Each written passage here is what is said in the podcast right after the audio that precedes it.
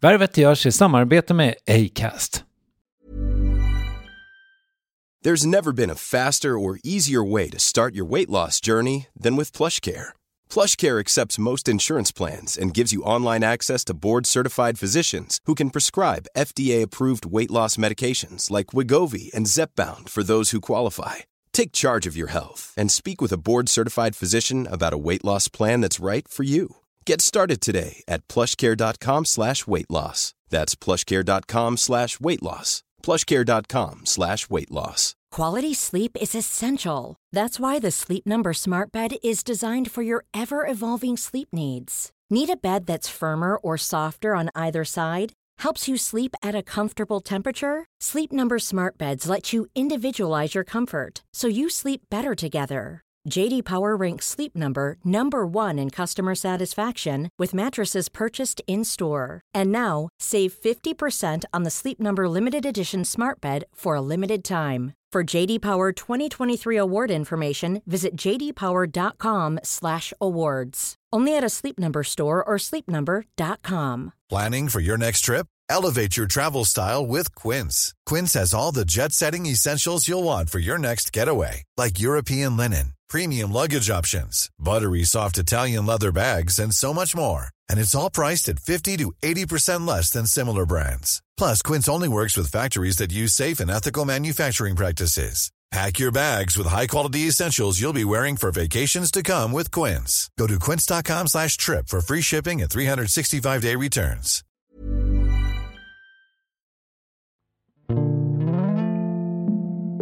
Eh, en specifikt berättar att eh, snart kommer ett 20-tal av hans vänner som har dömts på, på de här chattarna komma ut. Och då kommer det bli lugnare i den delen av Stockholm där det här nätverket har sitt inflytande.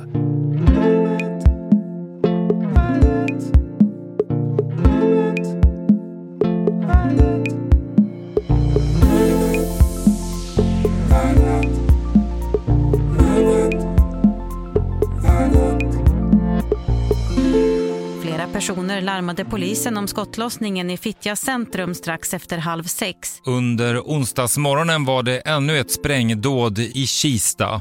Polisen larmades till bostaden i Tullinge strax efter midnatt. Där hittades den skjutne svårt skadad i överkroppen. De senaste veckorna har det kommit flera stora åtal mot det som beskrivs som ledarskikt i kriminella nätverk där material från den krypterade kommunikationstjänsten Encrochat är en del av bevisningen. Vad var Encrochat? Ja, ett krypteringsverktyg, ett operativsystem och i kriminella kretsar kunde man köpa speciella telefoner som då skulle vara ospårbara, idiotsäkra.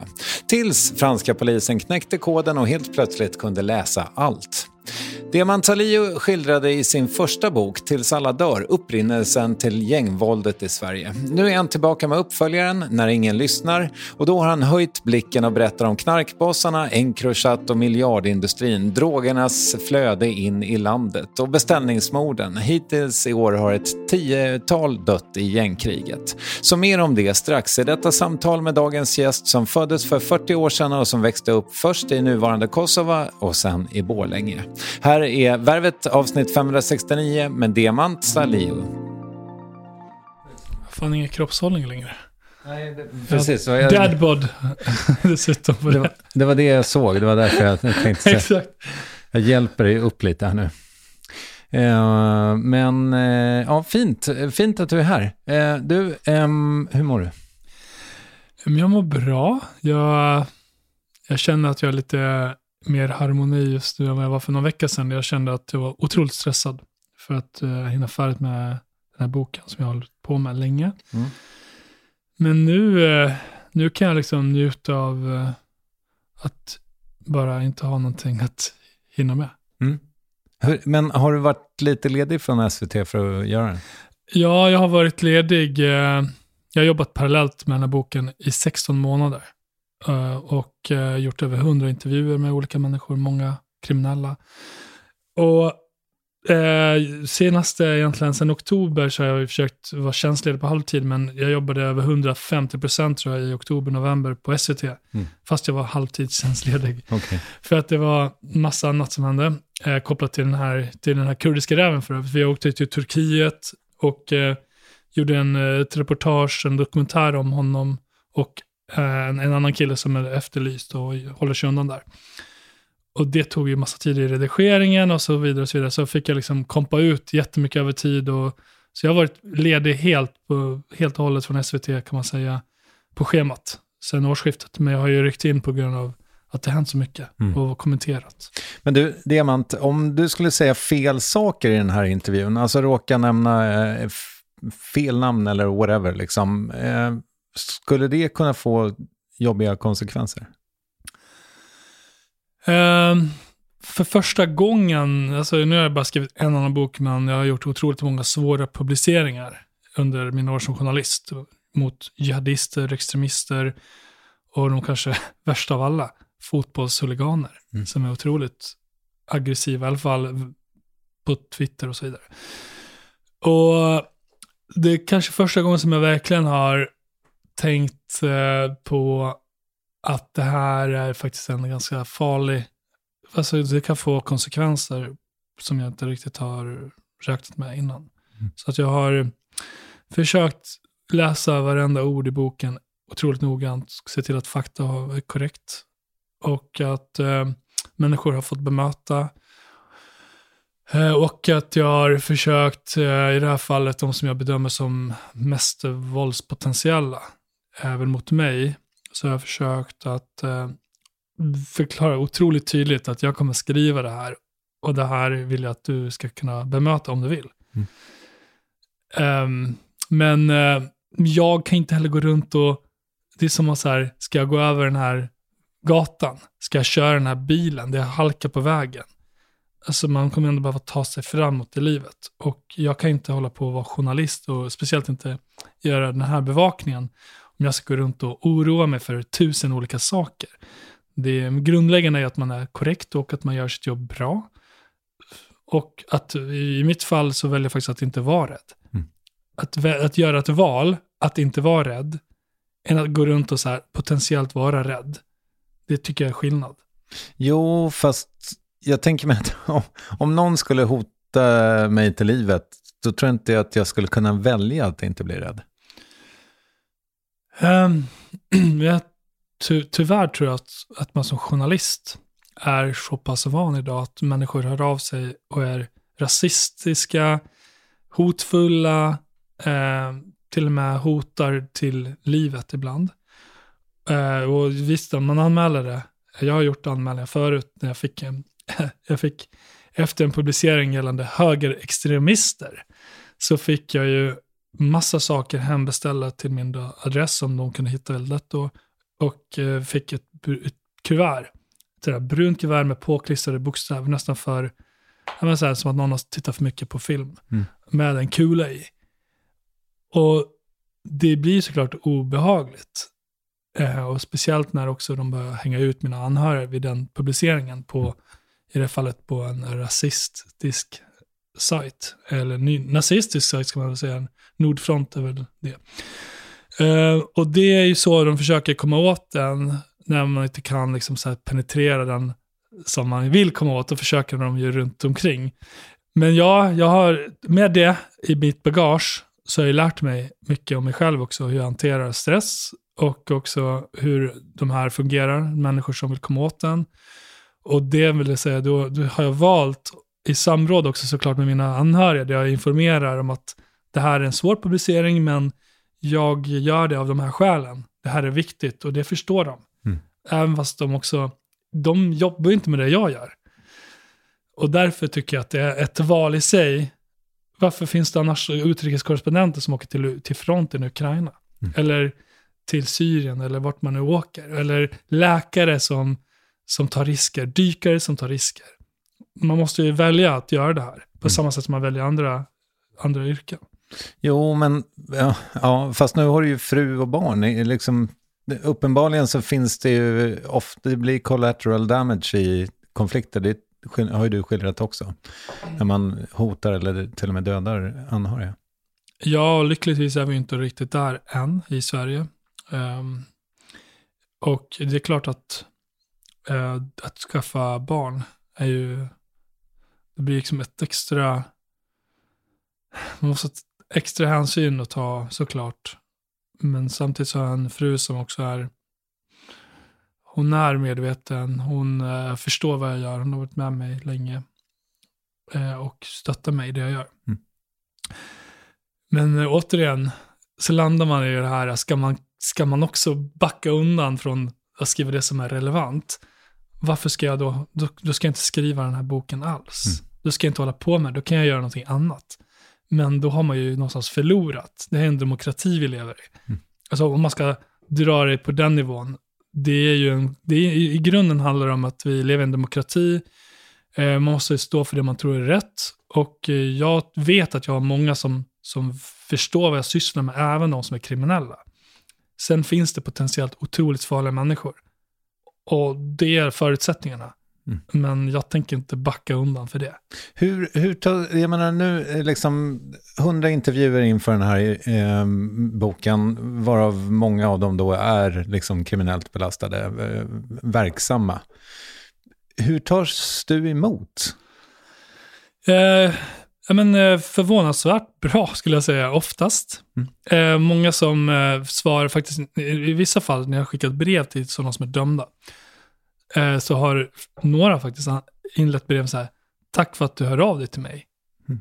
Eh, och att jag får möjlighet att bemöta, vilket man kanske inte fattar eh, som utomstående, men man ska komma ihåg, det här är människor som ju vill ha en chans, som sitter isolerade kanske många år eller kanske på livstid.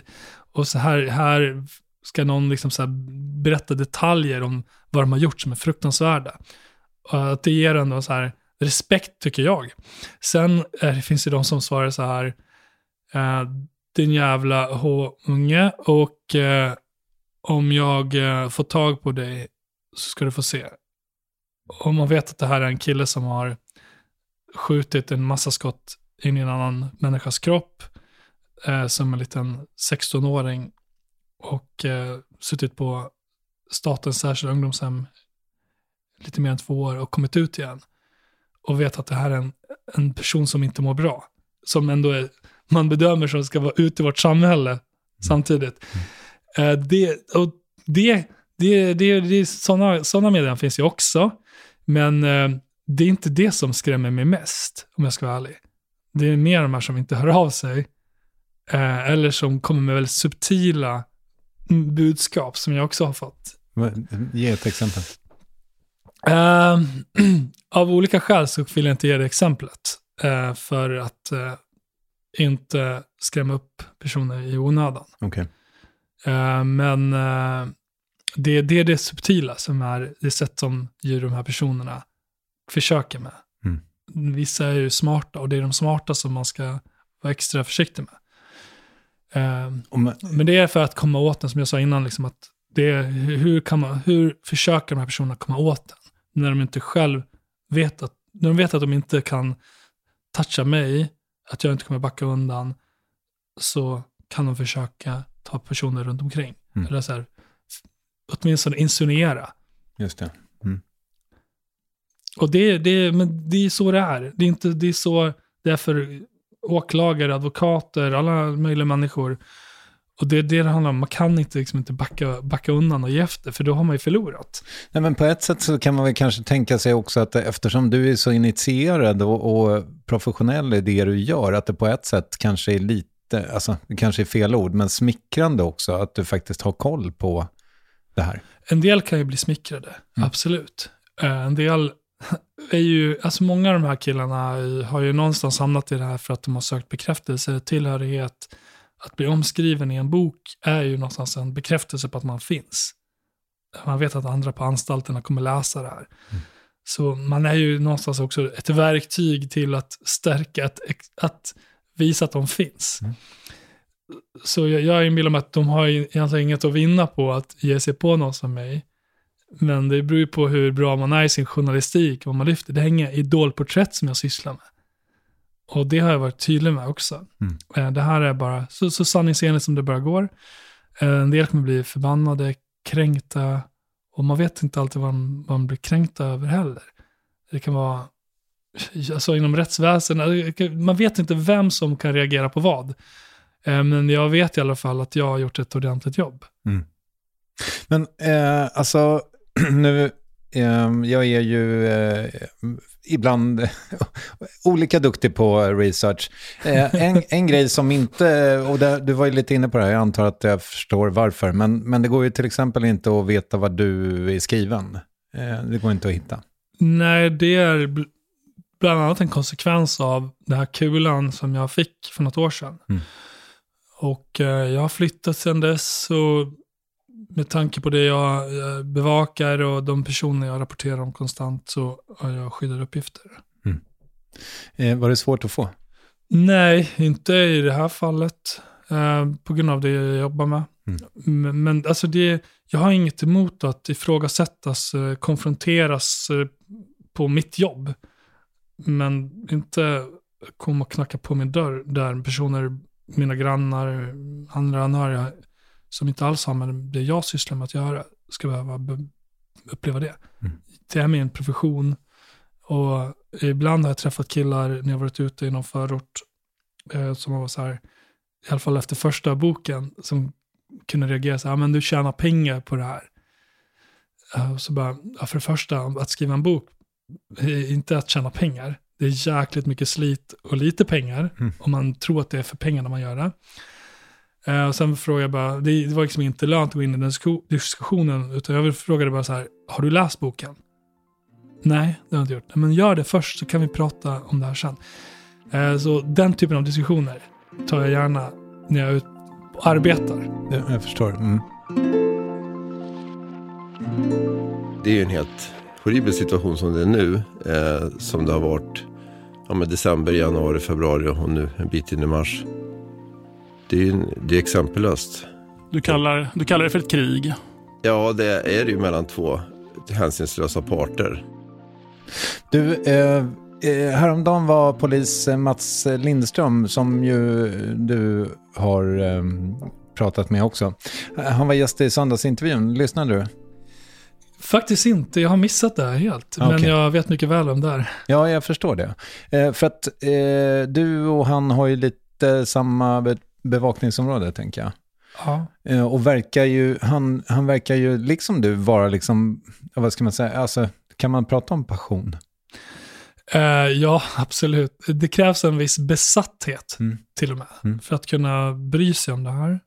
Det är hundratals personer du ska hålla reda på och veta hur de ser ut, vilka lojaliteter de har, vilka som är deras syskon.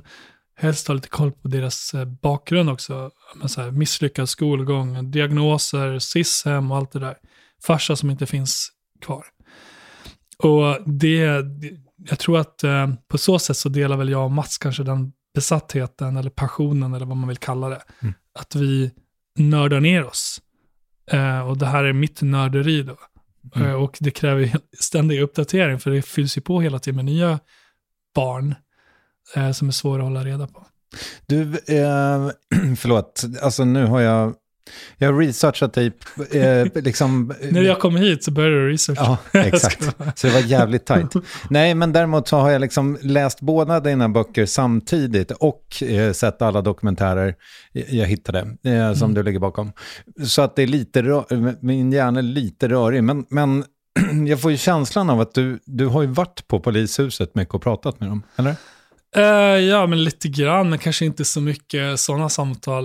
Uh, Däremot så pratar jag mycket med poliser uh, i olika roller som är förbannade på polisen, på myndigheten, på cheferna, sådana som har olika funktioner inom polisen. Och, och oftast är de samtalen utanför arbetstid och utanför polishuset. Mm. För det, eh, jag menar, det verkar ju som att det finns en väldigt stor uppgivenhet av de som jobbar typ på, i Järvaområdet. Liksom. Jag skulle säga att det finns en, eh, en uppgivenhet, kanske inte bara Järva, utan mer inom polisen så finns det olika läger. Eh, och ett läger tycker att allt från polisorganisationen, omorganisationen som skedde 2015 har lett till en usel utveckling till den situation vi har idag. Att det är en av förklaringar till att man har lämnat ett maktvakuum i förorterna till exempel, att när polisen försvann. Va, va, vad hände 2015? Då, gjorde, då skedde en stor omorganisation inom polisen, eh, där man eh, skapade polisregioner. och eh, fick liksom så här, man hade från början specialiserade narkotikapoliser som försvann, närpoliser som försvann, sådana som hade lokal kännedom om småbusar och storbusar i, i sina områden. Mm. Och eh, i samband med det så tog ju många lite kliv framåt. Tjänade pengar på narkotika, köpte in vapen och så vidare. Skapade konflikter. Polisen syntes inte lika mycket och då kunde man eh, ja, göra business? Då kunde man göra business och eh, den här, i min första bok så skiljer en konflikt som börjar 2015 och det, det börjar året efter att polishuset stänger igen mm. i Rinkeby. Så när närvaron minskade, och man beskrev det som, från lokalt håll som att när staten lämnade så kom kaoset. Och det här hände ju på flera håll. I, i Skåne, i Malmö framförallt, så fanns det ju lik, likartad konflikt mellan kompisar. I Göteborg, den konflikten i Biskopsgården, som har krävt säkert 20-tal liv idag. Och en polis. Barn. Och en polis mm. dessutom. Alltså den, det är ju typ tre olika konflikter som i princip nästan har börjat ungefär samtidigt. Så eh, poliser som då är missnöjda med den här organisationen brukar oftast använda det som en förklaring till varför det har gått snett. Sen finns det ju såklart mycket annat. Eh, vi hade en, en flyktingkris eh, i världen. Det tog, kom ju jättemycket människor och var hamnar de till slut? De hamnar ju oftast i våra förorter. Eh, hos släktingar som redan var, bodde i trånga lägenheter så fick de så här, öppna upp för fler människor. Mm. Var hamnar de här barnen som skulle börja skolan? Jo, i våra redan svaga skolor i våra förorter där många inte klarar skolan redan. Och så vidare. Så att det, trycket var ju så enormt de åren när eh, närvaron var väldigt låg. Mm. Okej, okay, så det pratar polisen om. Vad pratar de mer om? För du sa att det fanns flera läger. Ja, men, eh, i, jag menar, jag, många som jag har pratat med är ju också väldigt missnöjda med sina chefer. Tycker liksom att det finns, eh, man vill typ släcka bränder. Man vill liksom inte jobba långsiktigt. Det är något som ganska många har berättat om i den nya boken. Mm. Eh, och då gäller det oftast de som jobbar med utredningar, spaning och liknande. Att man inte tycker att man ser, liksom, vad finns det bakom den här kullen egentligen? Hur, hur, vad finns det för potentiell resa som den här 16-åringen som är farlig idag, men inte farlig nog, kan göra om vi inte agerar på något sätt. Och den långsiktigheten eh, beskriver då flera att man saknar inom svensk polis. Bland annat. Sen är utredningen, liksom så här, som också har debatterats, att man inte är tillräckligt många utredare. Eh, när vi har haft rekordmånga mord som har liksom ökat år för år, så har utredarna inte ökat i den takten, vilket gör att många är belastade. En del gråter eh, för att de inte hinner med. Och det är inte så här dumma människor, det är sådana som vill göra sitt bästa, som vill, som vill ge upprättelse till, till drabbade. Mm.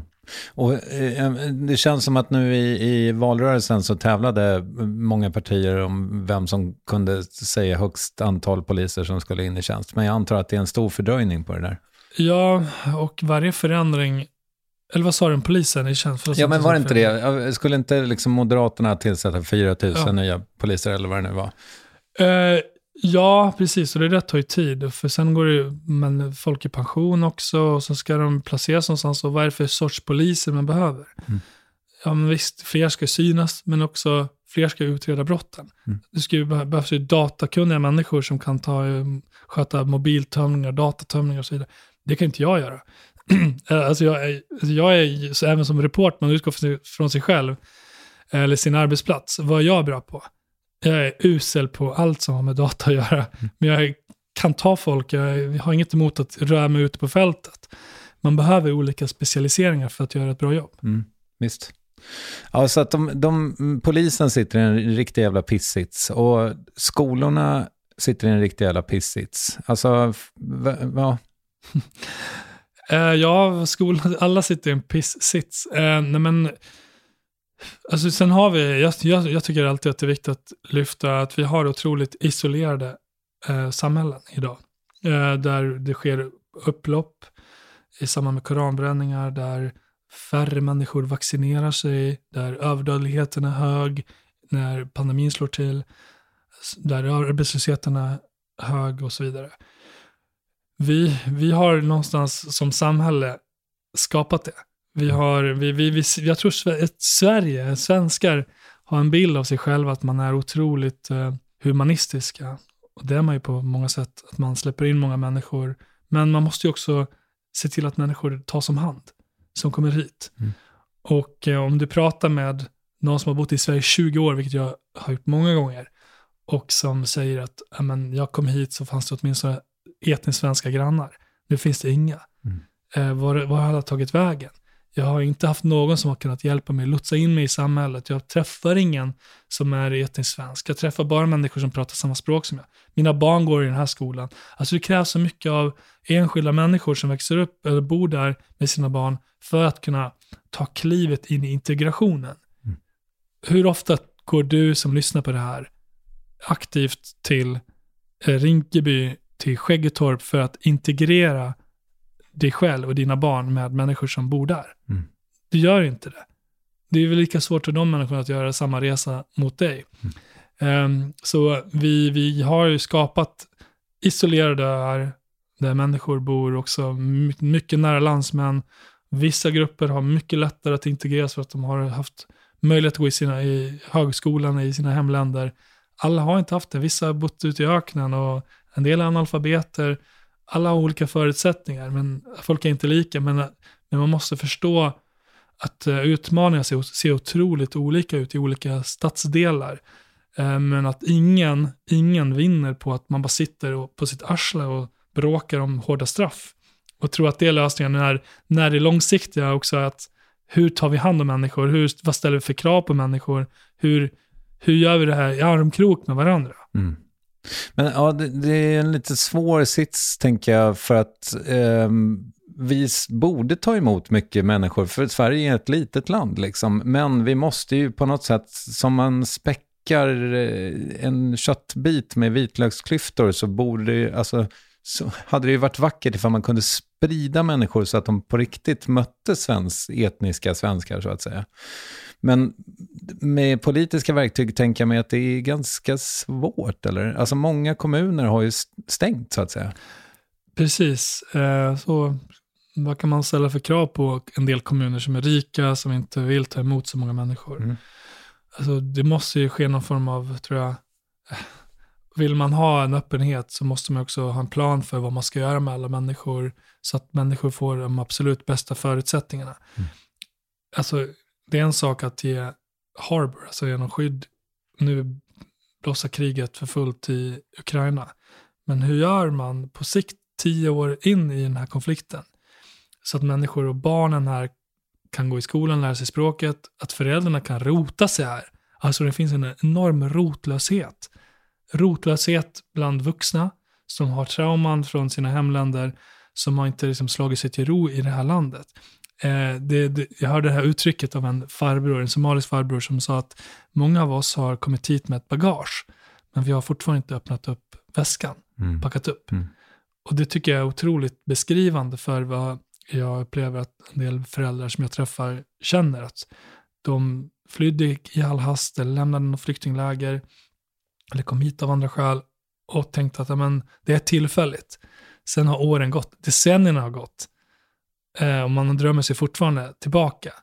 Man har tjänat lite pengar som man investerar i ett hus i hemlandet som man kan vara i någon vecka, någon månad per år. Men här har man fortfarande inte riktigt slagit sig till ro. För att det här är inte det land man hade förväntat sig att man skulle leva i. Men barnen också, som har vuxit upp, är fötts här, som heller inte har kunnat slagit sig till ro för att föräldrarna inte slagit sig till ro, hört föräldrarnas upplevelser, om, som kanske är missnöjda med det här landet eller vad de kan vara. Alltså de här som hamnar i, i det här glappet emellan, Mm. om du förstår vilka jag menar. Jag tror att om man vill förstå vilka de här grabbarna är, en del av dem i alla fall, som hamnar i de här problemen, så är det precis de här som har rotlösheten, inget sammanhang, eh, föräldrar som har, har den här också viljan att eh, gitta härifrån när de får chansen. Och du har ju pratat mycket om det här också, men jag tycker det är en väldigt, väldigt viktig poäng som du belyser där, att eh, har man inte haft svenskan hemma, liksom, så när man börjar förskolan eller skolan så ligger man så jävla mycket efter så man kommer aldrig ikapp. Liksom. Nej, och där, där kan man ju tycka vad man vill och rösta hur man vill och vara förbannad på invandringen hur mycket man vill. Men det är fan inte rättvist för något av de här barnen som växer upp här att veta att men nu har Nu har den knappt med sig ett ordförråd. Eller kan liksom så här förstå vad bokstäverna är, för, alltså vilka bokstäver som formulerar ens eget namn ens när man börjar i förskoleklass. Mm. När barn i innerstan har en helt annan språknivå. Och, och att lärarna måste börja liksom från förskoleklass att foka allt på att kompensera för språket. Alltså det är ju det är bara orättvist. Mm. Jag tänker så här, nu kommer mina innerstads eh, fem cent här, men jag tänker att min, min son spelar ju väldigt, väldigt mycket basket. Och idrotten har ju faktiskt en väldigt viktig funktion tror jag. Alltså, eller skulle kunna ha. Man ser det lite i någon av dina dokumentärer, liksom, att man har fotbollsprojekt och sådär. Men för, för mitt barn så tänker jag mig så här, fan vad nyttigt att få åka till liksom, ja, men, Tensta och ha en bortamatch så att säga. Mm. Eller åka på läger och träffa kids från andra delar av Sverige. Liksom.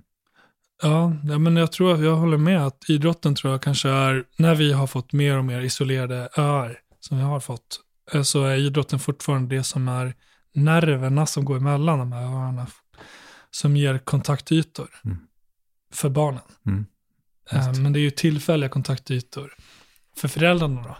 Mm, eh, och man, man, vet, alltså, idrottsforskningen visar att eh, föreningsaktiva eh, personer minskar ju ja, speciellt, även i glesbygden, men också i förorterna framför allt.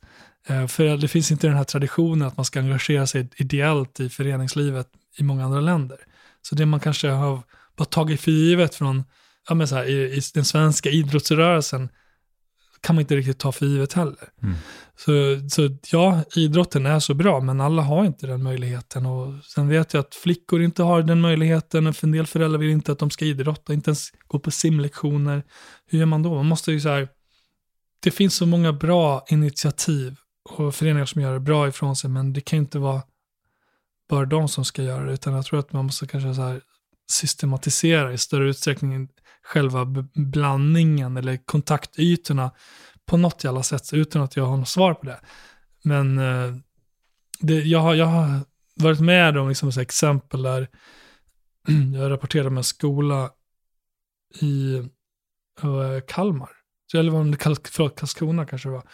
Där två så här, en rik skola, en fattig skola, en, så här, ena skolan hade en massa läkarföräldrar, barn och den andra hade en massa nyanlända för, som föräldrar. Då.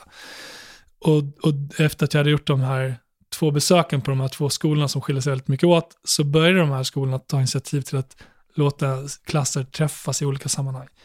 Senast jag hörde så hade det avtagit mm. lite. Mm. Det, det, är så. Man, har, man tycker att man, man börjar med någonting, sen kan någon lärare bytas ut eller nya klasser.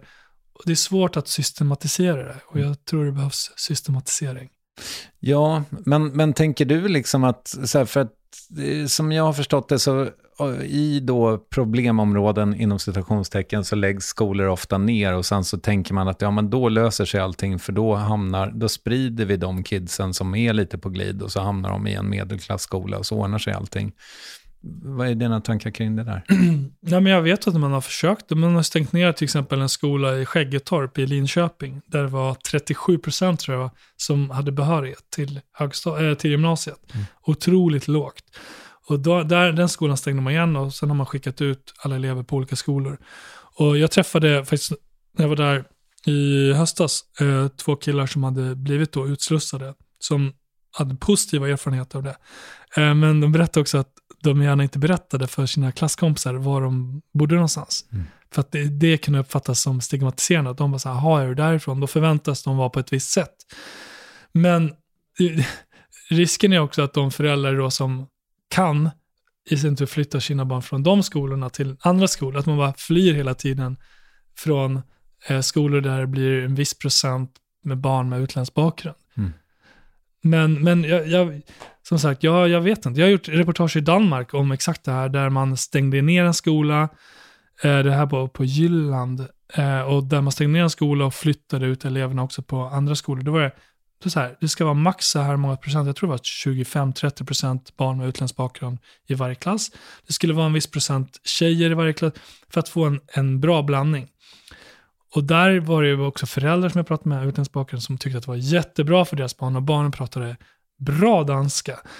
Eh, och rektorn som vi träffade då tyckte att det var positivt. Så att, alltså, någon, någon, ja, alltså man gör i alla fall någonting. Mm. Någonting. För alltså man bara sitter, som sagt, och rullar tummarna och babblar om hårdare straff och att det är invandrarnas fel, att vi har för mycket invandrare. Alltså det gör ingen skillnad.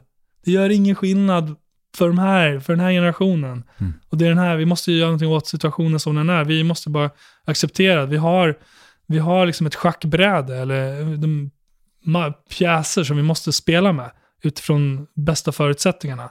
Vi kan inte förändra spelreglerna, vad jag vet i alla fall. Eh, och, och, och då måste vi se till att göra någonting åt det problem vi har.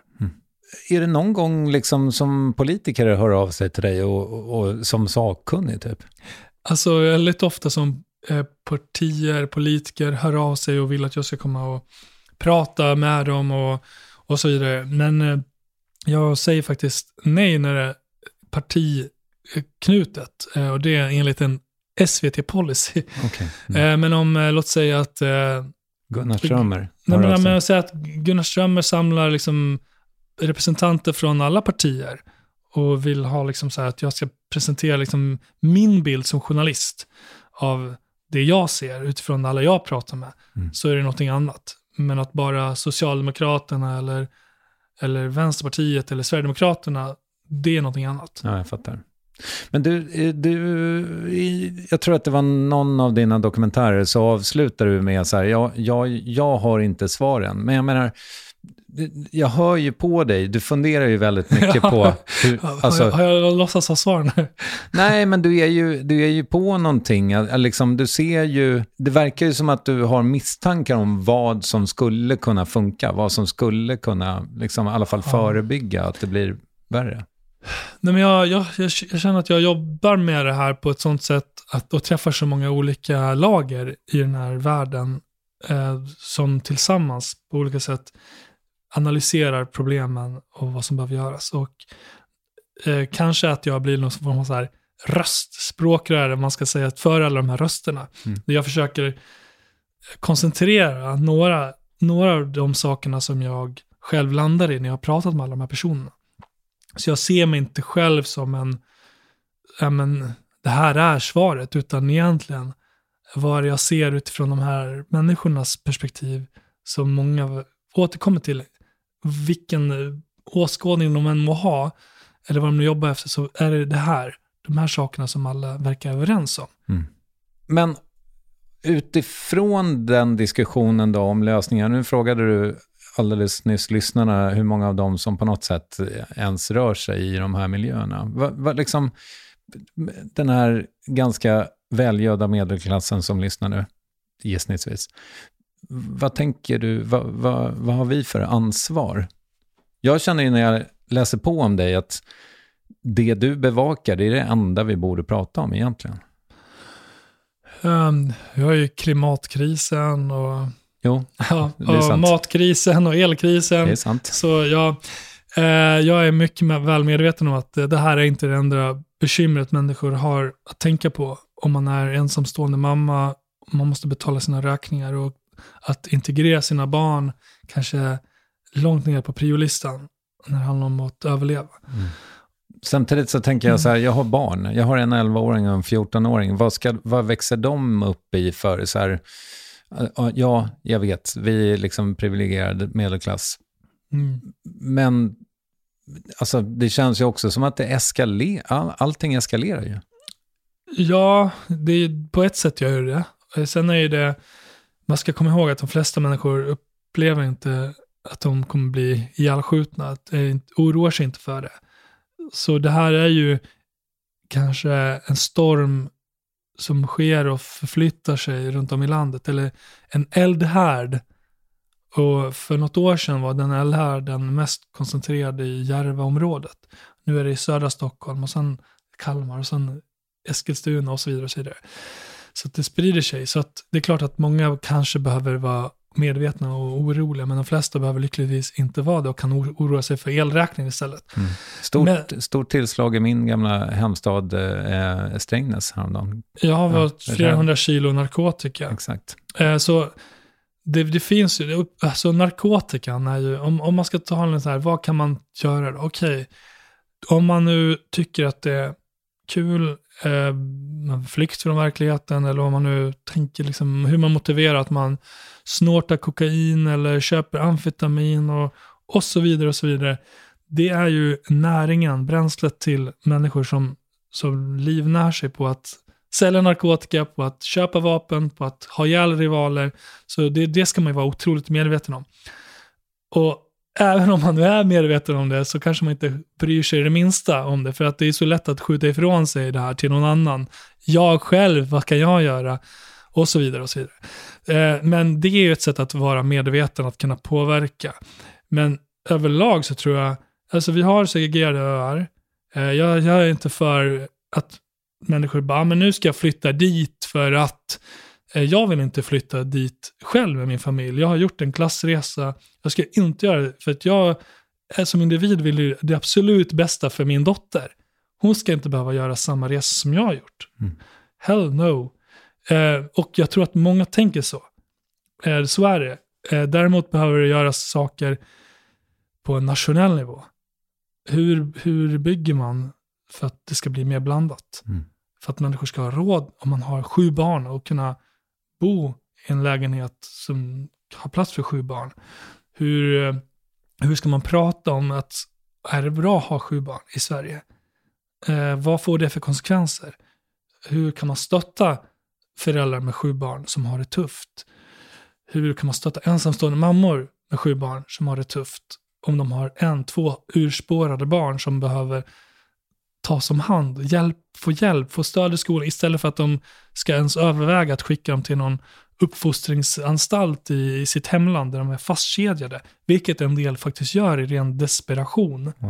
Mm. Eh, det är typ sådana saker eh, som jag tror man måste göra, men också så här, Ja, jag vet inte. Jag, jag, jag har på senare tid faktiskt reagerat lite på att jag hör till och med från vissa så här vänstermänniskor, eh, ganska ofta sådana som själva har utländsk bakgrund, ska tilläggas, som säger men Danmark gör i alla fall någonting. Där, där har man ju bestämt sig för att riva bostadsområden för att det ska vara mer blandat. Man ska ha max antal, med så här, viss procent eh, med utländsk bakgrund för att det ska vara mer blandat. Eh, personer som har kriminell bakgrund kan vräkas och skickas iväg. Får inte vistas i ett område. Alltså det finns ändå en verktygslåda som är ganska extrem och som vi länge tror jag sett som en extrem verktygslåda. Och bara, vad håller de på med, de här galna danskarna? Men de galna danskarna har inte lika många ihjälskjutningar. Danmark, Finland, Norge hade förra året tio dödsskjutningar mm. tillsammans. Mm. Och Sverige hade sex gånger mer. Ja, du fick en fråga om det här på Twitter som du eh, negligerade, så jag kan väl ta den då. Varför är det liksom, varför har, varför har Oslo ingenting? Jag menar, Oslo är ju ökänt för eh, sin, sina dyra hamburgare. Men också och narkotika. Ja, exakt. För att det är extrema mängder heroin där tydligen. Det har varit i alla tider. Eller alla tider har det inte varit det. Men, men hur kan det inte liksom mm. ha fått blodspelen? Har du någon teori? Um, Ja, men jag har eh, pratat en, lite grann eh, med norska poliser som jag träffat i olika sammanhang, men också journalister som bevakar det här. Och det förklaringen jag har fått i alla fall är att dels har man väldigt så bra tidiga insatser, förebyggande arbete. Eh, evidensbaserade insatser dessutom som man inte har i alla kommuner idag i Sverige för övrigt. Uh, vad betyder det? Det betyder konkret? att man har då forsknings, så här, forskningsbaserade behandlingsprogram för unga och unga vuxna som, har, som är i riskzon för missbruk, kriminalitet och så vidare. Mm. Eh, som man vet fungerar. Men i Sverige har man enligt en utredning från Socialstyrelsen så är det en ganska stor andel av landets kommuner som inte använder sig av de evidensbaserade eh, metoderna som finns. Mm. Och man tar då exempel på metoder som finns i Norge till exempel. Men eh, sen har jag också förstått som att polisen har ganska bra koll på de här miljöerna. Det är ett mindre land. att hålla reda på också. Men att det är en lokal närvaro, lokal polis som har mycket bra koll. Men att uppklaringen är otroligt mycket bättre. Över 90 procent uppklarning. Eh, och jag tror att alla mord, eh, nu kommer jag inte ihåg exakt eh, siffrorna, men att alla mord som har skett typ senaste decenniet är i princip uppklarade med ett undantag kanske. Mm. I Sverige är, om man tittar på bara dödsskjutningarna, så är det katastrofalt dålig uppklarning på 20-25 procent. Tänker då vad det gör med människor som ser sin sons, pojkväns, väns eh, mördare som man tror är mördare och rör sig fritt och härjar, postar bilder på Instagram, reser till Marbella, eh, ha en dyr klocka på sig, håna personer på så olika sätt i musikvideor och, och bla bla bla. Uh, det, det finns en otrolig hämndlystnad också bland människor och, och det, det är något som också en del som jag inte intervjuat nu återkommer till. Att varför, varför har vi så mycket dödsskjutningar, så mycket våld? Hämnd, hämnd, hämnd, hämnd. Narkotikan är visst så här, såklart i botten. Man kan ha konflikter som en gnista tänds på grund av narkotikamarknad och pengar och svartsjuka. Men när väl morden börjar så börjar eskalera på grund av att man vill hämnas till varje pris. Mm. För hämnas man inte, vem är man då? Och det, det jag menar, vi, vi har ju fått sån utveckling i Sverige. I Norge, om man, upp, om man då klarar upp brotten när det sker, så lite grann Det är svårt att hämnas tar från man bort, finkan. liksom, Mm. tar man bort eh, personer som potentiellt vill hämnas. Har de längre straff? Eh, jag vet, de har väl, eh, alltså det är väl ingen skillnad tror jag, på straffen i Norge och Sverige, men de har däremot en kriminalvård som oftast används som ett positivt exempel. Okej. Eh, sen är jag inte så insatt att jag kan redogöra för det här, men att det verkar vara, ja men så här, human med positiva resultat. Jag, jag vet inte om det innebär att färre som återfaller i brott eller vad det innebär. Mm. De grabbarna som du skildrar, de, det är väl inte så, har inte varit så effektivt för dem att sitta inne. Liksom. Alltså de blir inte direkt mönstermedborgare i, oftast, eller? Eh, det är ju, jag undrar om återfall, jag minns inte vad återfallen är, om det är, nej jag kommer inte ihåg, men en Den del gan- återfaller i brott. Den ja. är lägre än man tror, tror jag. 30 procent, kan det vara så? Ja, kanske. 30 procent Ja. Mm. eller eh, återfall på kriminalvården. Mycket högre, de som är då yngre och hamnar på SIS-hem, Mm. den är högre. Eh, Men de som jag har varit i kontakt med, eh, alltså en del kanske som lyssnar tror att det är någon, hotellverksamhet med, att sitta på anstalt, det är det inte. Mm. I- Idag är i princip alla anstalter och häkten för den delen överfulla. Man får dela cell med andra personer. En del eh, personer som är inne eh, mår, jag säga, har ju, kanske borde vara inne på psyket istället. Mår dåligt, konflikter för att det är en massa eh, gängkillar som ska brusa upp sig och hävda sig inför varandra. Eh, det är incidenter eh, mot varandra, mot personalen. Och jag gjorde en granskning för inte så länge sedan för SVT om just kriminalvården, där kriminalvårdarna, en majoritet på landets så säkraste anstalter, själva sa att de inte kunde upprätthålla säkerheten, varken för sig själva eller för de intagna, så som situationen är nu. För det är också enorm personalbrist på många håll. Mm. Så det är inte jättebra. Nej, det, det här verkar ju vara ett system med väldigt många, alltså de här SIS-hemmen känns ju inte heller så stabila. Nej, de är också kritiserade av forskare. Mm. Ehm, vad finns det för alternativ? Eh, Jag vet inte. Eh, men jag, jag hör ganska mycket kriminologer som är vettiga som pratar om att man ska inkapacitera unga förövare under en längre tid när de är som mest brottsaktiva. Som ett sätt att kunna göra någonting åt att vi har nu massa barnsoldater som, som gärna tar på sig morduppdrag. Mm.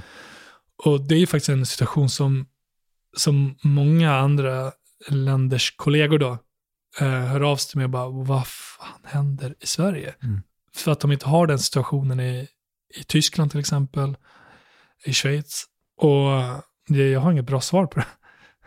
Men, men, men unga killar som, som är beredda att skjuta varandra, och vad ska man göra med dem? Som jag sa inledningsvis, en av de här killarna eh, som hör av sig till mig och är väldigt arg, eh, som är ute efter, menar strax efter två år. Vad, vad ska den personen vara ute i samhället? Eh, alltså vad, vad gör vi med den här typen av eh, soldater Mm. som är skadade på olika sätt? Ja, men sen, sen min bild, jag vet inte om du, om man någon gång har släckt ett liv, vilket du har ju träffat många som har gjort det, liksom. Har du pratat med dem om vad det gör med, alltså, med själen? Ehm,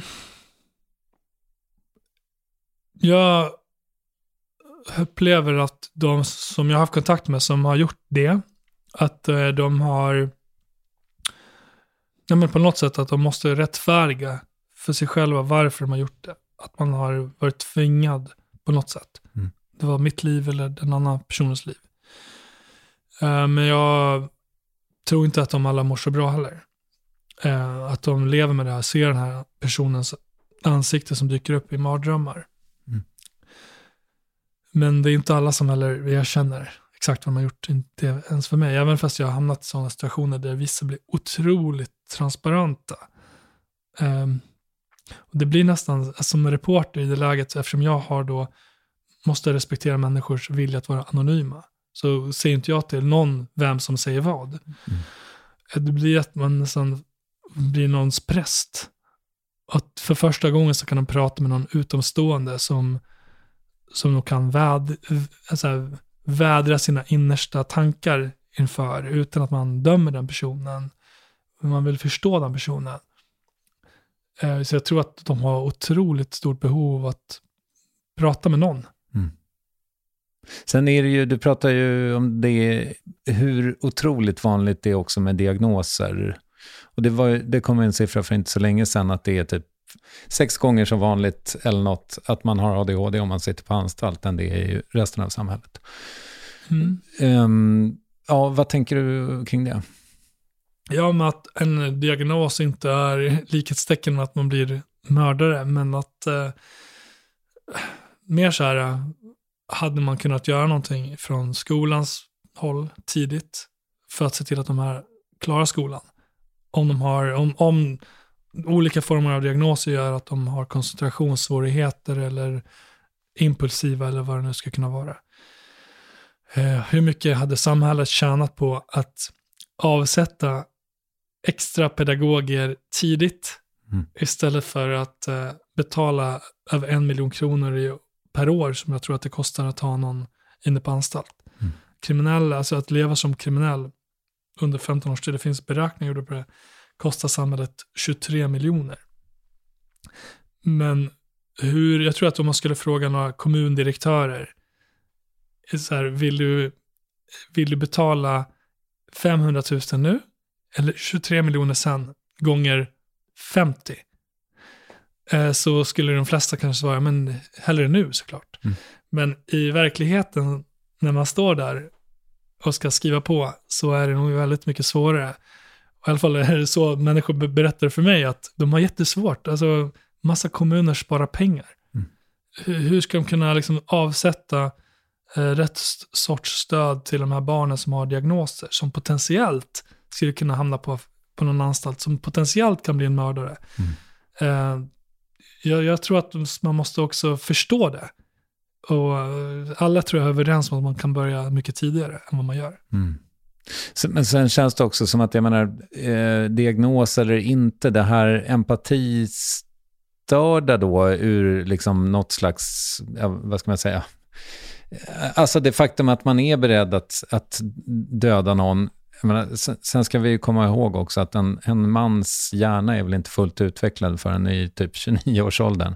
Så att Mm. om man är då 16 och får en Glock i handen så kanske man har liksom, alltså konsekvenstänkandet finns inte där helt enkelt, Nej.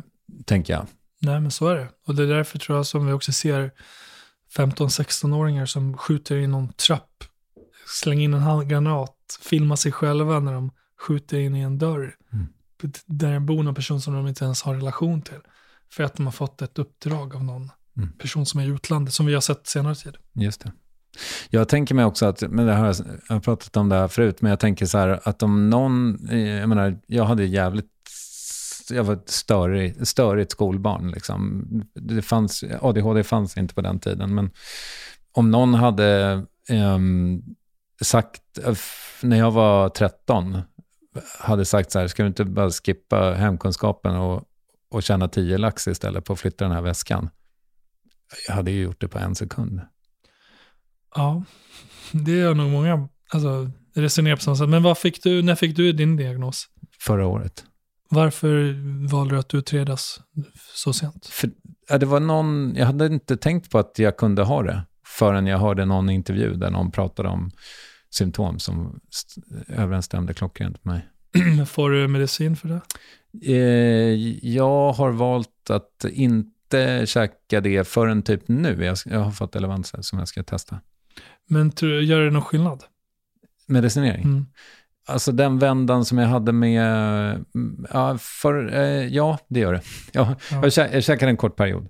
Men jag har sådana sömnproblem så det funkar inte. Liksom. Men... Nej men uh, precis, så då, då kanske du hade helt andra förutsättningar med din diagnos. Att ändå, uppenbarligen har du en, lyckats ändå förvalta mm. Och det är, det är jättemånga som har diagnoser som blir otroligt framgångsrika. Mm. Och jag brukar ibland försöka säga det när jag pratar i olika sammanhang. Jag, jag, var, jag blev bjuden till skolor för att prata med skolungdomar som läst boken och vill förstå den här miljön och folk inom socialtjänsten och så vidare. Det finns ju en rädsla och ett stigma kring psykisk ohälsa. Eh, framförallt skulle jag säga bland en del eh, grupper som har ursprung i andra länder, där man inte ens har ett begrepp för psykisk ohälsa. Mm. ADHD är ju extremt okänt i till exempel Frankrike. Jaha, i Frankrike också? Ja, ja vi, jag, jag, vi har försökt prata om det där, liksom. Jag, alltså min tjej är fransyska. Ah. Svårt. Men, ja. jag, jag, men kan man inte också, ibland, det kan ju vara en superkraft. Mm. Eller? Jo. Kan inte det vara det som har gjort att du har lyckats bli bra på det här? Absolut. Ja. Så För. en superkraft, så att det kan då å ena sidan vara en superkraft, men det kan också kanske vara ja, men under en, dåliga förutsättningar eh, drar ner i gyttjan. Ja, herregud. Ja. ja.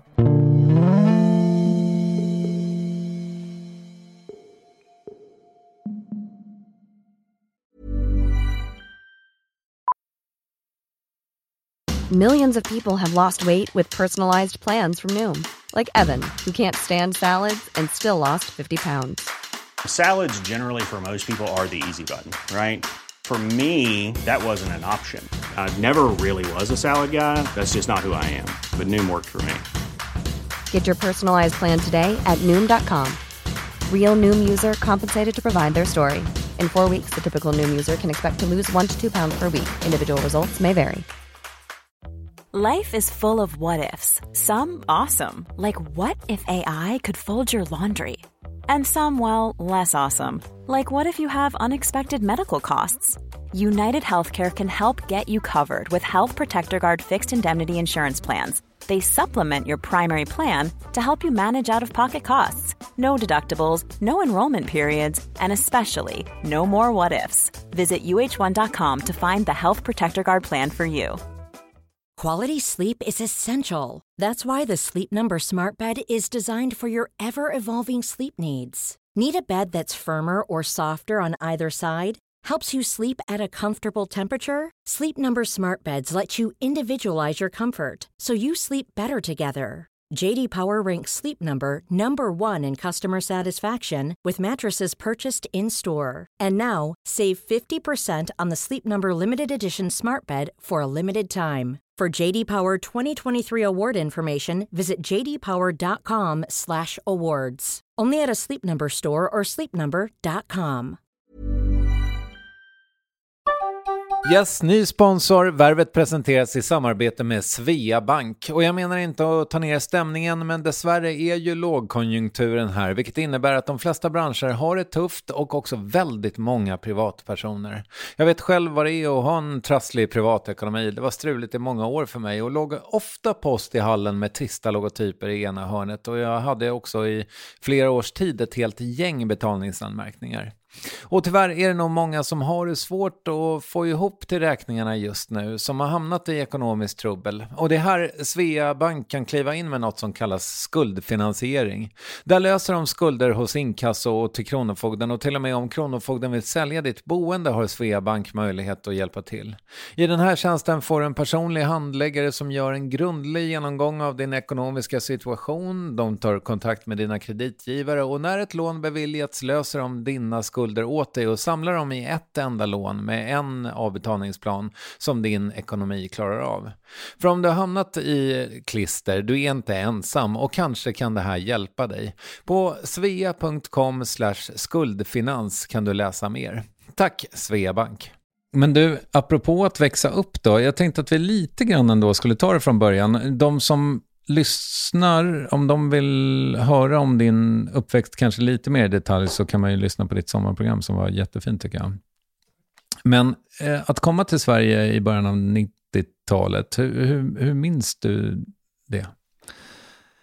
Eh, jag minns det som en, som en väldigt bra upplevelse.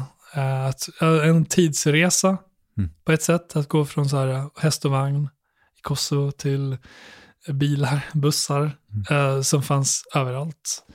Um, till att bo i en lägenhet där vi hade toalett, man kan spola, mm. från att ha haft utedass. Till att uh, äta kött i skolan, uh, från att liksom haft kossor i laggården och så vidare. Hade du inte gått till skolan i Kosovo? Jo, i årskurs ett faktiskt. Ja. Men att uh, vi fick inte riktigt mat i skolan. Okay. Den lyxen fanns inte då. Ehm, jag brukade faktiskt följa med mina grannar eh, till skolan. För de var något år äldre än mig, så jag, jag ville så gärna gå i skolan jag också. Så att, eh, jag fick dispens att gå, följa med i alla fall, från att jag var sex år, mm. lite tidigare än jag skulle ha varit här. Men efter att jag gick färdigt årskurs ett så flyttade jag till Sverige. Mm. Så jag har fortfarande ett klassfoto från det här första året. Eh, alla barn som ser Uh, men så här, men som barn gör. Det är klassiskt Balkanfoto. Mm. Men det är påminnelse om eh, vart jag kommer ifrån. Mm. Jag är otroligt stolt över mitt ursprung. Otroligt stolt. Och uh, det tror jag att man ska vara. Om man har även så här, en del, man hamnar i identitetskris, och det hamnade jag också när jag växte upp i Borlänge. Så här, en del kunde säga albanen när man växte upp. Eh, och sen kommer väl lite andra namn och ord och kommentarer också. Men, men jag, jag kände då ett tag att, vem är jag? Alltså jag hade en bra uppväxt, det var blandat i skolan, det var lätt att integreras, fotboll, idrott, alltså det var min väg in. Eh, så det är mycket stor skillnad från hur det är idag, så mycket mer isolerat som sagt. Mm. Men eh, eh den här identitetskrisen, det tog ett tag innan jag bara fann mig själv, bara, men fan jag är det och jag är det och jag är det, alla de här sakerna. Det, det, definierar mm. mig. Mm. Men det, den tiden var väl kanske en identitetskris, samtidigt som jag försökte hitta min plats någonstans i Bålänge. Jag var en duktig elev i skolan. Idrott var jag bra på också. Jag var med i Dalalaget i både handboll och fotboll. Eh, de vänner som jag skaffade genom idrotten på tal om vikten av idrott, är ju faktiskt de som fortfarande är mina absolut närmaste kompisar. Mm. Absolut mina närmaste kompisar, de som jag har känt sedan jag var 10-12 år. Är Viktor Norén en av dem? Eh, nej, han kom liksom inte in på det sättet, men Viktor och jag lärde känna varandra som elevrådsordföranden på respektive skolor. Aha, okay. Så vi hade någon sån eh, träff så träffade jag honom för första gången och förstod att han sysslade med musik. Och sen började jag väldigt tidigt med journalistik. För jag började på lokaltidningen som 16-åring. Mm. Och sen fick vi faktiskt ganska tidigt också eh, kulturpris. Sugarplum Fairy för musiken och jag fick det för att jag hade eh, vunnit eh, någon novelltävling på min skola. Mm. På gymnasiet var det här. Men vi, våra vägar liksom, vi hade, det är så liten stad, 50 000 invånare, så man såg sig på ungdomsdiskon och på krogen och i olika sammanhang. Och mm. Jag lyssnade såklart på dem. Jag hade tjejkompisar som var dödsförälskade i dem. och eh, såklart eh, stor respekt för dem. Men det var egentligen först eh, i mer vuxen ålder som jag eh, började umgås närmare med eh, killarna. Och framförallt var det genom Christian. Mm. Som jag eh, blev väldigt bra kompis med, eh, vilket år var det? Det var, alltså vi båda tror jag fann varandra genom att han eh, försökte sig närmare journalistiken och jag hade då redan börjat min journalistkarriär.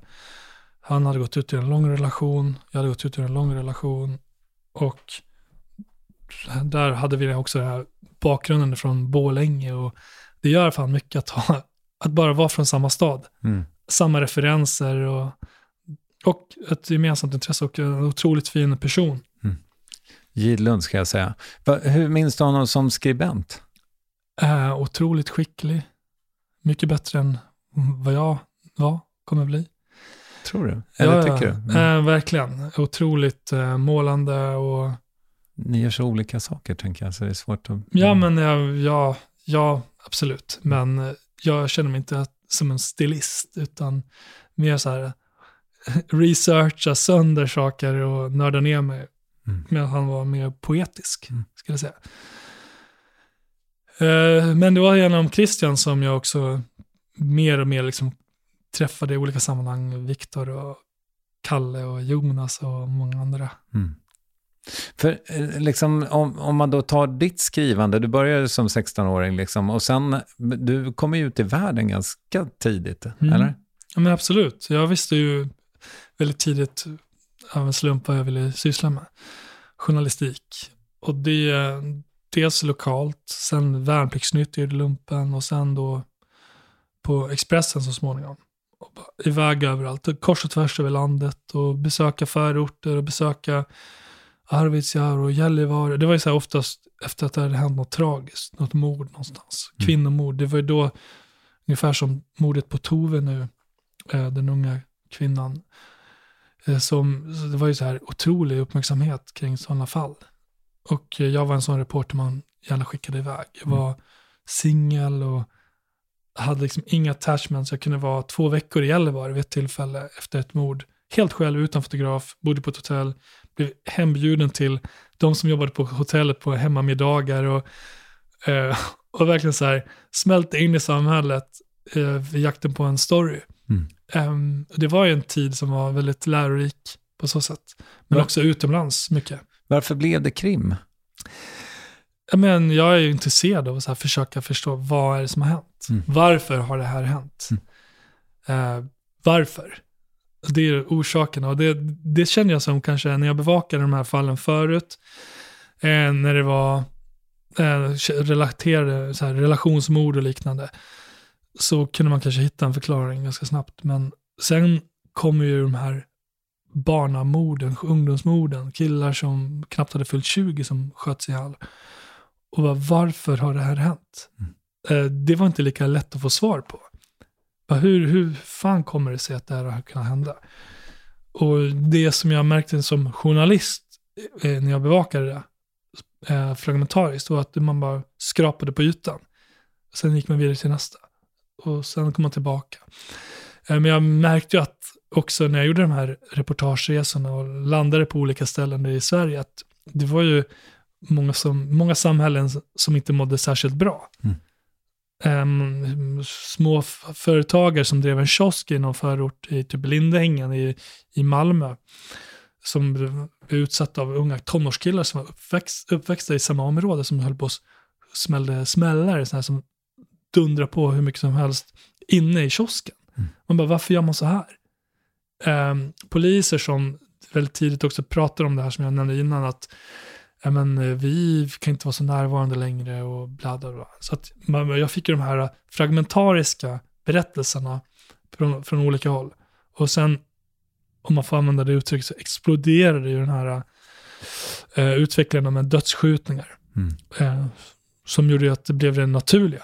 Men innan det hade jag ändå gjort en massa om jihadismen, som alla de här som reste till Syrien och anslöt till IS. Och pratade med föräldrar, med syskon, eh, med personer som jag hade kontakt med. Så plötsligt så var de i, i, i Syrien. Och det var en kvinna som gjorde en sån resa för att ansluta till sin man som fick barn i Syrien och som fick sin man äh, så här, sprängd eller skjuten eller vad det nu blev liksom i, i kriget där. och hamnade i ett av de här lägren.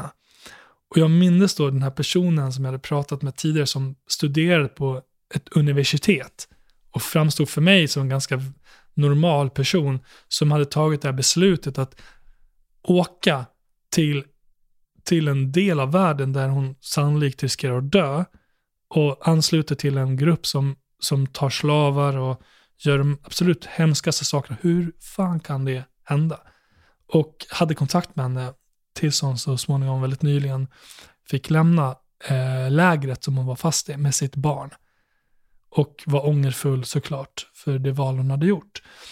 Men i, alltså i hennes berättelse så kan jag också förstå de berättelser som en del av de här killarna har.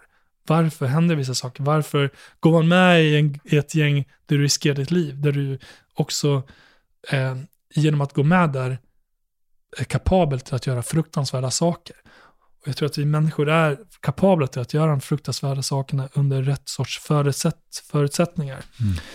Och att någonstans där finns ju också kanske en, en glipa av ljus. Att man kan faktiskt också hitta tillbaka. Det finns ju, även fast det är otroligt mörkt, mm. så finns det ju. Även den här 16-åringen då som, som skickar hot till mig, som har skjutit eh, många skott i en person som för övrigt överlevde. Eh, även om han psyk, mår psykiskt dåligt eh, och så vidare, så kanske det finns hopp även för honom med rätt sorts hjälp. Mm. Men, men ja, men för, för att svara, återvända till din fråga, att jag, jag tror att jag såg de här sakerna och hade så mycket i mitt bagage av de bevakningar jag hade gjort, att det blev det som var så här, det här är det som är det akuta, det stora samhällsproblemet just nu, som jag måste förstå. Mm.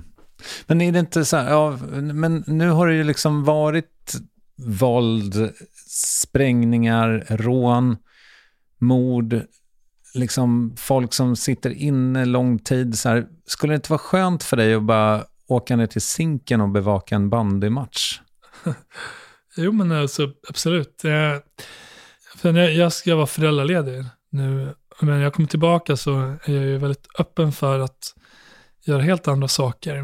Men jag vill ju, vad jag än gör, göra någonting som känns meningsfullt. Mm.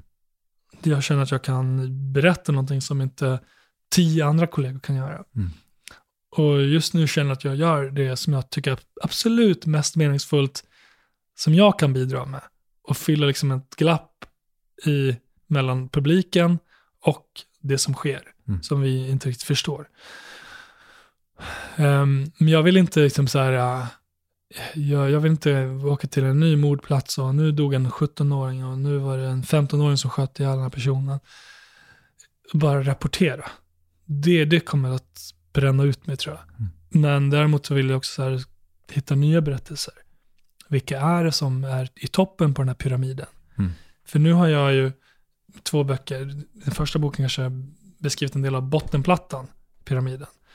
Och i den här nya boken, högre upp i pyramiden, de som står och anstiftar mord, de som säger åt de här unga killarna längst ner, gör det här. Mm. Och sen finns det ju ytterligare personer som är högst upp i pyramiden. Som är långt ifrån våldet, som tjänar miljoner, som tvättar pengar, eh, som kanske ultrareligiösa, fromma personer. Vilka är de? Är kurdiska räven så att säga inte i toppen av the food chain? Uh, nej. nej. Det skulle jag säga att han inte är. Okay. Han är. Han är någonstans mitt, eh, mellanskiktet. Och i mellanskiktet finns det eh, flera sådana personer som har hundratals miljoner i brottspengar att röra sig med. Som har killar som är beredda att döda för dem på deras order. Eh, och det som händer nu, om man ska prata om kurdiska räven, att varje dag får jag i princip nya meddelanden om utveckling i den här miljön. Så inte bara här, alltså här sker skjutningar och sprängningar och så vidare, men, men det sker också liksom på den nivån, mellanskiktsnivån.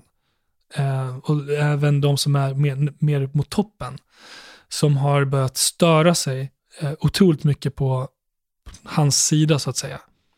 Man tycker att, att skjuta ihjäl försvarslösa anhöriga som inte har med det här att göra är, är liksom smutsigt. Eh, det är, eh, man gör inte det. Man, man bryter mot någon kodex som de här kriminella någonstans följer. För att annars skulle det vara kaos även i deras värld om man vet att min mamma, min pappa, min, min son och så vidare kommer riskera att betala priset för det val jag gör.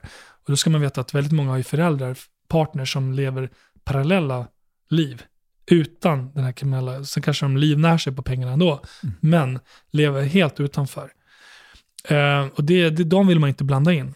Så den utvecklingen vi har sett på senare tid har satt igång en kedja av reaktioner, där också nya allianser skapas med personer som har mycket kapital, som också vill skapa någon form av eh, vapenstillestånd.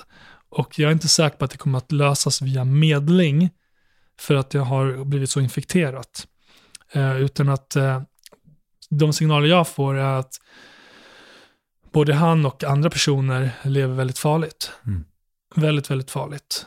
Och att det inte bara är den här uh, utmålade konflikten som vi läser om att greken och kurdiska räven, det är liksom mycket mer komplext än så och involverar mycket mer, mycket mer starka då, individer i den här världen än de personerna. Har du koll på vilka de är? Uh, ja, en del av dem har jag mm. koll på. Uh, för att jag får information om vad som händer. Och det är liksom så här, varje dag, det händer så snabbt i den här världen. Allianser spricker, interna konflikter, rädslor, eh, alla har familjer, man har partners som, som sätter press på en och bara, ska du verkligen hålla på med det här? Vi har barn och så vidare. Att det skapar sprickor. Eh, så att det, man måste hänga med varje dag vad som händer och varje dag få en ny information om utvecklingen. Och det händer mycket utanför Sveriges gränser just nu. Eh, som, jag vet inte riktigt vart, vart det kommer bära åt, men att eh, det, ingen av de här går säker heller. Det är budskapet jag får. Mm.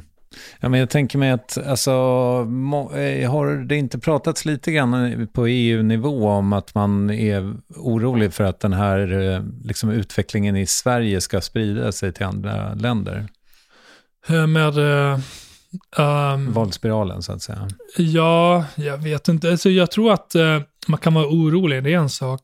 Men vi har ju liksom olika problem i olika delar av EU då, till exempel. Uh, I Belgien och Nederländerna har man ju, alltså, som är portarna för kokainsmugglingen. Så man gjorde rekordbeslag förra året på 160 ton kokain. Mm. Så där har man ju problem i form av korruption, eh, att man är, oroar sig för eh, rättsväsendets eh, personal, att de kan utsättas för påtryckningar, av, för hot. Det pågår stora rättegångar i bland annat Nederländerna där alla som är delaktiga, advokater och eh, åklagare med mera, har personskydd. För att man har haft, eh, man har mördat eh, eh, kronvittnets eh, brorsa, en advokat som har försvarat den här eh, personen, en journalist som har eh, varit inblandad i kontakten med en av de här närstående. Så man ger sig på även utom så på en nivå som inte har sett i Sverige. Mm. Sen finns ju maffian i Italien och så vidare. Men det som många länder har, som till exempel Tyskland, alla som har varit i Berlin vet hur mycket alltså du, du snubblar över olika typer av piller eh, vart du än vänder dig i princip. För det är en sån stad. Men du ser inte att folk skjuter ihjäl varandra på öppen gata. Eller att du har barnsoldater som pepprar kulor i andra sportar. För att det inte tillåts. Det är maffior som styr. Kan vara nigerianska maffian eller albanska maffian eller någon släkt, eh, någon klan som för övrigt har inflytande här också i Sverige genom släktband där finns det ju då det här toppskiktet. Om man tänker då pyramiden för att förenkla det, så har ju du de strukturerna som är väldigt satta i många andra länder. Som inte tillåter kaoset som vi har i Sverige. Mm. Som inte tillåter att man skjuter ihjäl varandra, för det är dåligt för affärerna. För att i grunden vill alla de här tjäna pengar. Men här är unga killar som är oorganiserade. Eh, som är som för att citera en, en syster till en av killarna jag intervjuat, som huvudlösa kycklingar. Eh, det finns liksom i, i, i Tyskland, i många länder finns det då eh, äldre som bara säger nej. Mm. För att du ska kunna vara med i vår organisation så är det de här stegen som krävs. Det är lite som MC-miljön. Mm. Du ska göra småtjänster, städa, putsa mina skor, visa respekt, klä dig ordentligt. På med, på med skjorta och slips. Putsa dina skor. Mm. Alltså lite vux, alltså vuxna kriminella eh, som, som man kanske är mer van att se i andra länder. Här ska du helst visa att du har dyra klockor och, som inte du själv äger kanske, eller eh, stora loggor på kläderna. Eh, det blir liksom en viss sorts militäruniform nästan för killar i den här miljön, eh, som du kanske inte på samma sätt kan urskilja när du träffar, så att säga, riktiga hajar Mm. i den kriminella världen, som beter sig som affärsmän snarare. Men om jag förstår dig rätt, liksom, de som är ovanför eh, räven då, som du har bevakat, Mm. de är någon helt annanstans i världen. Är det, liksom, är det så att man har kontroll över liksom, narkotikainflödet också? Det finns eh, personer som säga, sitter i Marocko och styr då cannabissmugglingen till Europa väldigt mycket. Och så, så, sådana som då är, har Sverige som marknad, säger vi, köper ett ton och sen kan ju då kriminella olika grupperingar från olika städer säga, men jag köper 100 kilo, jag köper 200 kilo och så vidare. Men, men den som sitter i Marocko är liksom din kontaktperson som har kontakt med bönderna uppe i bergen och så vidare. Så en sån som då liknande räven, den typen av person kan ju ha pengar, eh, kan ju vara den som sköter logistiken, har personer som har lager runt om i landet och ser till att transportera drogerna till, från punkt A till punkt B. Och över, över gränsen och så vidare. Och som tjänar sin del av kakan. Men som, sen måste de som köper tjäna sin del av kakan. Så det finns ju den typen av personer som de här är beroende av. Om det är då amfetamin, eh, ecstasy, kokain, då är det kanske mer ofta Nederländerna. Mm. Och då de belgiska hamnarna, men allt går ju då via Nederländerna. Så måste du ha dina personer där som ser till att, som är dina kontaktpersoner i de länderna. Mm. Så det de här räven-typerna då gör är att de kan ha logistik och pengar och rätt sorts uppbackning för att föra in stor mängd narkotika över Sveriges gränser och sen distribuera ut det till olika köpare. Men ovanför dem så finns det då de här som faktiskt styr, som, som, som sitter på kontakterna. Mm. Det, det vissa av de här killarna gör för övrigt, de har ju kontakter till kartellerna själva.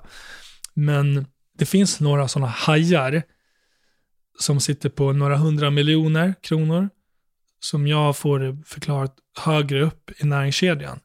Som inte alls gillar det, det han håller på med som är då det här våldet Mm. mot anhöriga. Eh, Sen kan alla liksom så konkurrera om marknaden. Men som, som är emot själva våldet i den formen.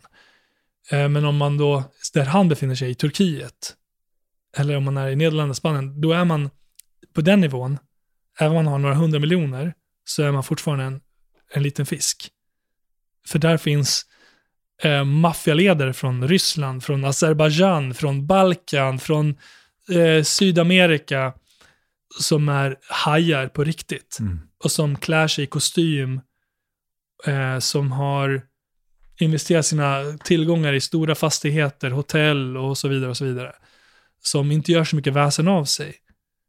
Eh, men när man börjar reta dem tillräckligt mycket, då, om, om man gör det, vill säga, då, då, då, då har man stora problem. Mm.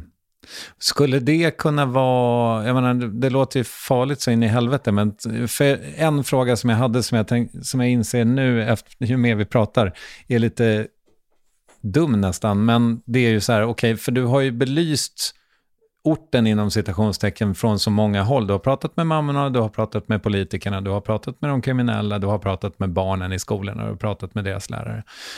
Eh, och då tänkte jag så här, hur många mer perspektiv kan du ta? Men det är, uppenbarligen så finns det jävligt mycket kvar. Ja, men som jag sa, eh, den här pyramiden, näringskedjan består av många olika aktörer. De som gör det möjligt, som jobbar inom bank, som jobbar med växlare, som är mäklare, som är kryptovalutväxlare, eh, som sitter och säljer klockor. i olika lager. Det finns väldigt många perspektiv eh, som man kan belysa. Och som jag känner så här fortfarande, så här, om jag ska, vilket jag vill, om jag ska skriva en tredje bok så är det kanske det perspektivet som jag skulle vilja ta mig an. Um, så får vi se. Uh, men uh, jag tycker att uh, det här, om man, om man då, om jag får själv får liksom så här beskriva, första boken så är det verkligen så här, man kanske är så här lokalt stort problem som gör att man förstår många av våra problem i svenska förorter. Med en etnisk dimension i det fallet. Den här nya boken är mer nationella problem, den internationella kopplingen.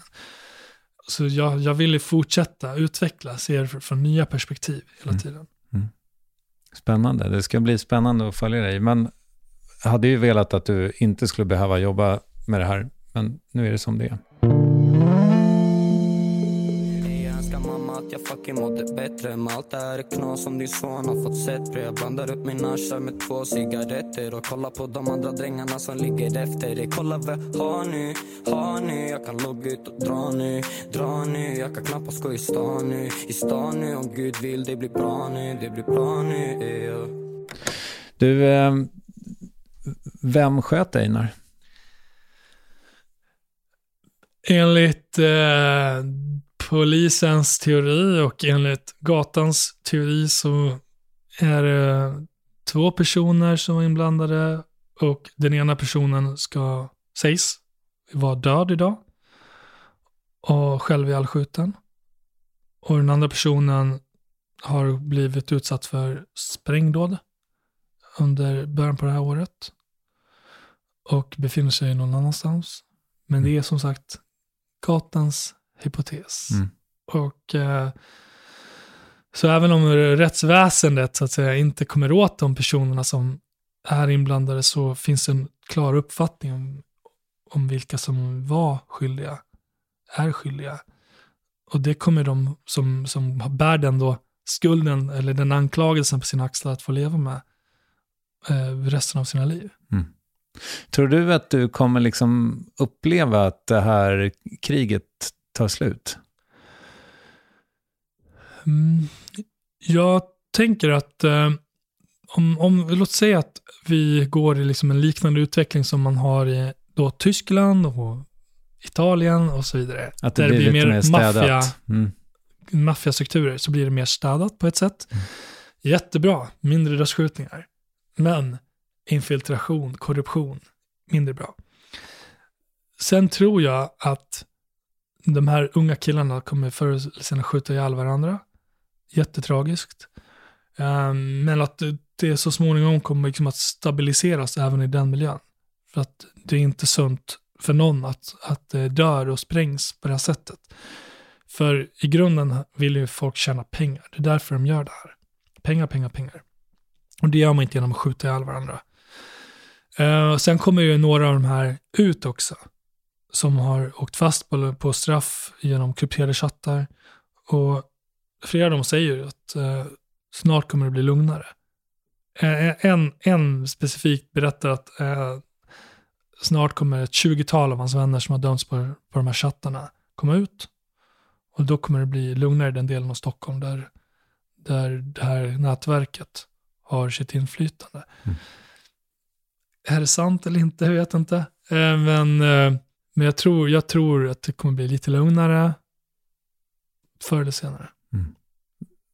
Vad, vad har du för tid? Vad är, liksom, vad är tidshorisonten? Är det fem år?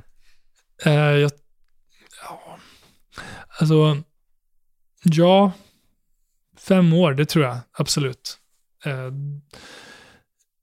det, alltså, även eh, de här killarna är ju otroligt medvetna om att allt som händer nu får konsekvenser. Alltså, det påverkar lagstiftningen. De vill inte sitta inne. Ingen som jag har haft kontakt med som tycker att det är kul att sitta inne så här 10, 12, 14 eller livstid så som anstalterna är dessutom. Mm. Med otroliga begränsningar där de inte ens får träffa sina flickvänner. För att de har nätverksstämpel. Så det ska man förstå, att det är inget glammigt liv mm. innanför murarna heller. Jag lyssnade på någon av äh, rapparna som du refererar till som, äh, som beskriver hur det är att sitta med fulla. Och då förstod jag att det var fulla restriktioner. Just det.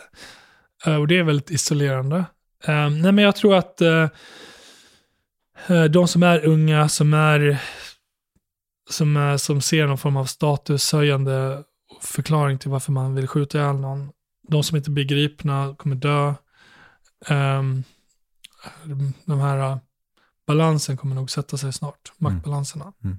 Uh, det vakuum som har uppstått på grund av alla de här domarna mot folk tack vare chattarna har ju skapat ett maktvakuum som även poliser som jag pratat med tycker har fått negativa konsekvenser. Att man borde vara mer förberedd när man satt med de här chattarna, med den här informationen. Att, hur gör vi nu? Man måste förstå att det här kommer att få konsekvenser. Mm, vad, gör, vad, gör, man med vakuumet som uppstår? Mm. Hur förbereder vi socialtjänst, skola, kommuner och andra på det som komma skall? Mm. Och det är en sån lärdom som man nu har med sig. Nu gör det inte så stor skillnad för tillfället, men eh, som det alltid gör och blir så kommer, det, så kommer det bli någon form av stabilisering. Men jag tror inte att vi kommer komma ifrån att det här är en oorganiserad miljö mm. eh, under åtminstone många år fram. Och så länge det är det så kommer det uppstå konflikter om narkotika, om tjejer, om kränkningar, om TikTok-postningar, om låtar och ja, och eh, att det kommer vara många som dör. Mm. Du, eh, jag hade tänkt att vi skulle avsluta på en positiv not, men innan vi gör det så tänker jag bara, det här, eh, mycket av det du har gjort eh, framförallt på SVT handlar ju om hur lite lyssnade på människorna då på till exempel Järvafältet är. Ser du någon ljusning där? Tänker du att är politikerna mer närvarande? Händer det något? Men eh, det, det som jag upplevde den tystnadskulturen när jag skrev första boken och mötte människor som absolut inte ville prata eh, var så frustrerande. För att som journalist hade jag så lång tid mötts av en vägg och de som kanske stod och höll, eh, höll sig framför porten till det här området var ju oftast någon form av aktivist. Någon så kallad good guy och good girl som trodde att de gjorde nytta för orten och skulle försvara orten. Ortens heder och bestämma vad som fick sägas och inte sägas och hur man skulle säga det. Och eh, jag tror att eh, även alltså de som bor innanför, som har varit instängda innanför de här isolerade murarna, har kickat bort de här personerna som har agerat för allas räkning. Mm. Som har varit nyttiga idioter. Som har liksom låtit den här typen av fråga om trygghet, rätten till trygghet, rätten till en bra skola, att man pratar om problem som finns på ett öppet och transparent sätt som kanske har fördröjt den debatten i tio år, helt i onödan, eh, de ser jag inte så mycket av idag.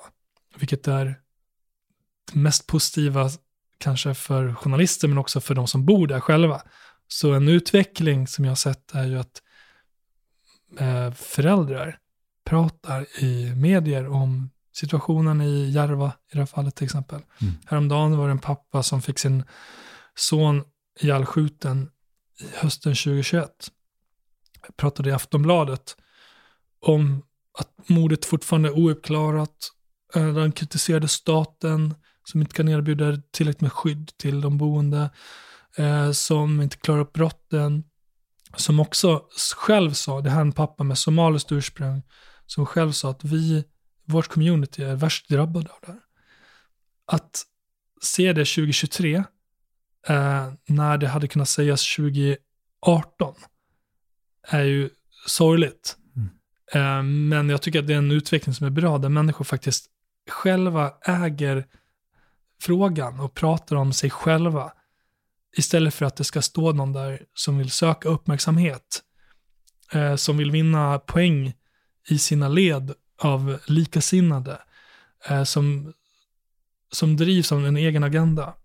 Eh, det är mest glädjande att se att de personerna inte får det utrymmet inte får den uppmärksamheten, tycker jag. Mm. Du, jag frågade förut, tror jag, om liksom uppgivenhet. Men händer det att du bara, ja men fuck it, det, det här kommer inte gå att lösa? Du måste ju ha känt det någon gång. Um, alltså, jag, jag, alltså det är klart att man möts av, ja, det är klart att jag möts av människor som är uppgivna och att man själv lite grann dränks av den här uppgivenheten. Men rätt som det är så träffar man på någon person som, som tar bort den här våta filten i ett svep. Mm. Det kan ju vara som en liten tjej som heter Sidra, som jag också skildrar i eh, Vem ska rädda barnen? Just det.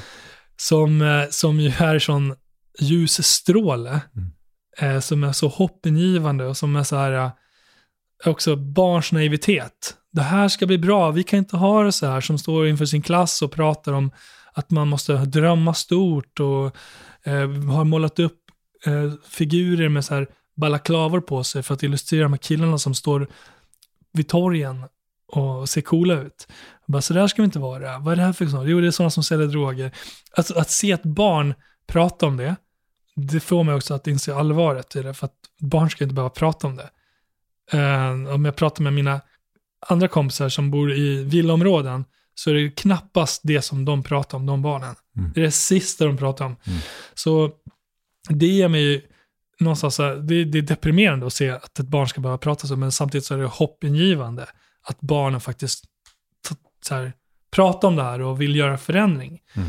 Så hur nedtyngd jag kan känna, kan känna mig, så är det sådana små ögonblick, sådana möten med enskilda personer som gör för mig i alla fall en stor skillnad. Mm.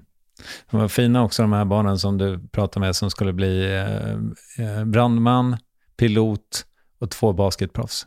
Och en läkare. Och en läkare, perfekt. Och vad skulle han göra med pengarna? Han skulle hjälpa sin mamma. Mm. Fint. Du, vad, vad ser du fram emot generellt? Eh, jag ser jättemycket fram emot att eh, vara föräldraledig, att vara med min dotter, eh, att se henne gå, ta sina första steg. Härnäst ser jag fram emot att hälsa på min farfar om några dagar. Ska dit, han fyller 93 år. Mm. Han känner sig svagare och svagare. Min farmor gick bort hastigt förra året. Och eh, min farfar ska få träffa, och min mormor för en del som också lever, ska få träffa min dotter för första gången. Mm. Eh, de fyller år ungefär samtidigt. Eh, och det ser jag jättemycket fram emot. För det, det är så jäkla skönt att bara kliva bort ur den här bubblan och bara sitta där med någon som har helt andra bekymmer och helt andra tankar. Och, och också se min dotter interagera med den som betyder allra mest för mig. Kanske. Mm. En av de personerna. Mm. Ser fram emot. Fint. Du, stort tack för att du tog dig tid och för att du gör det du gör. Tack för att du vill prata med mig. Ja, anytime.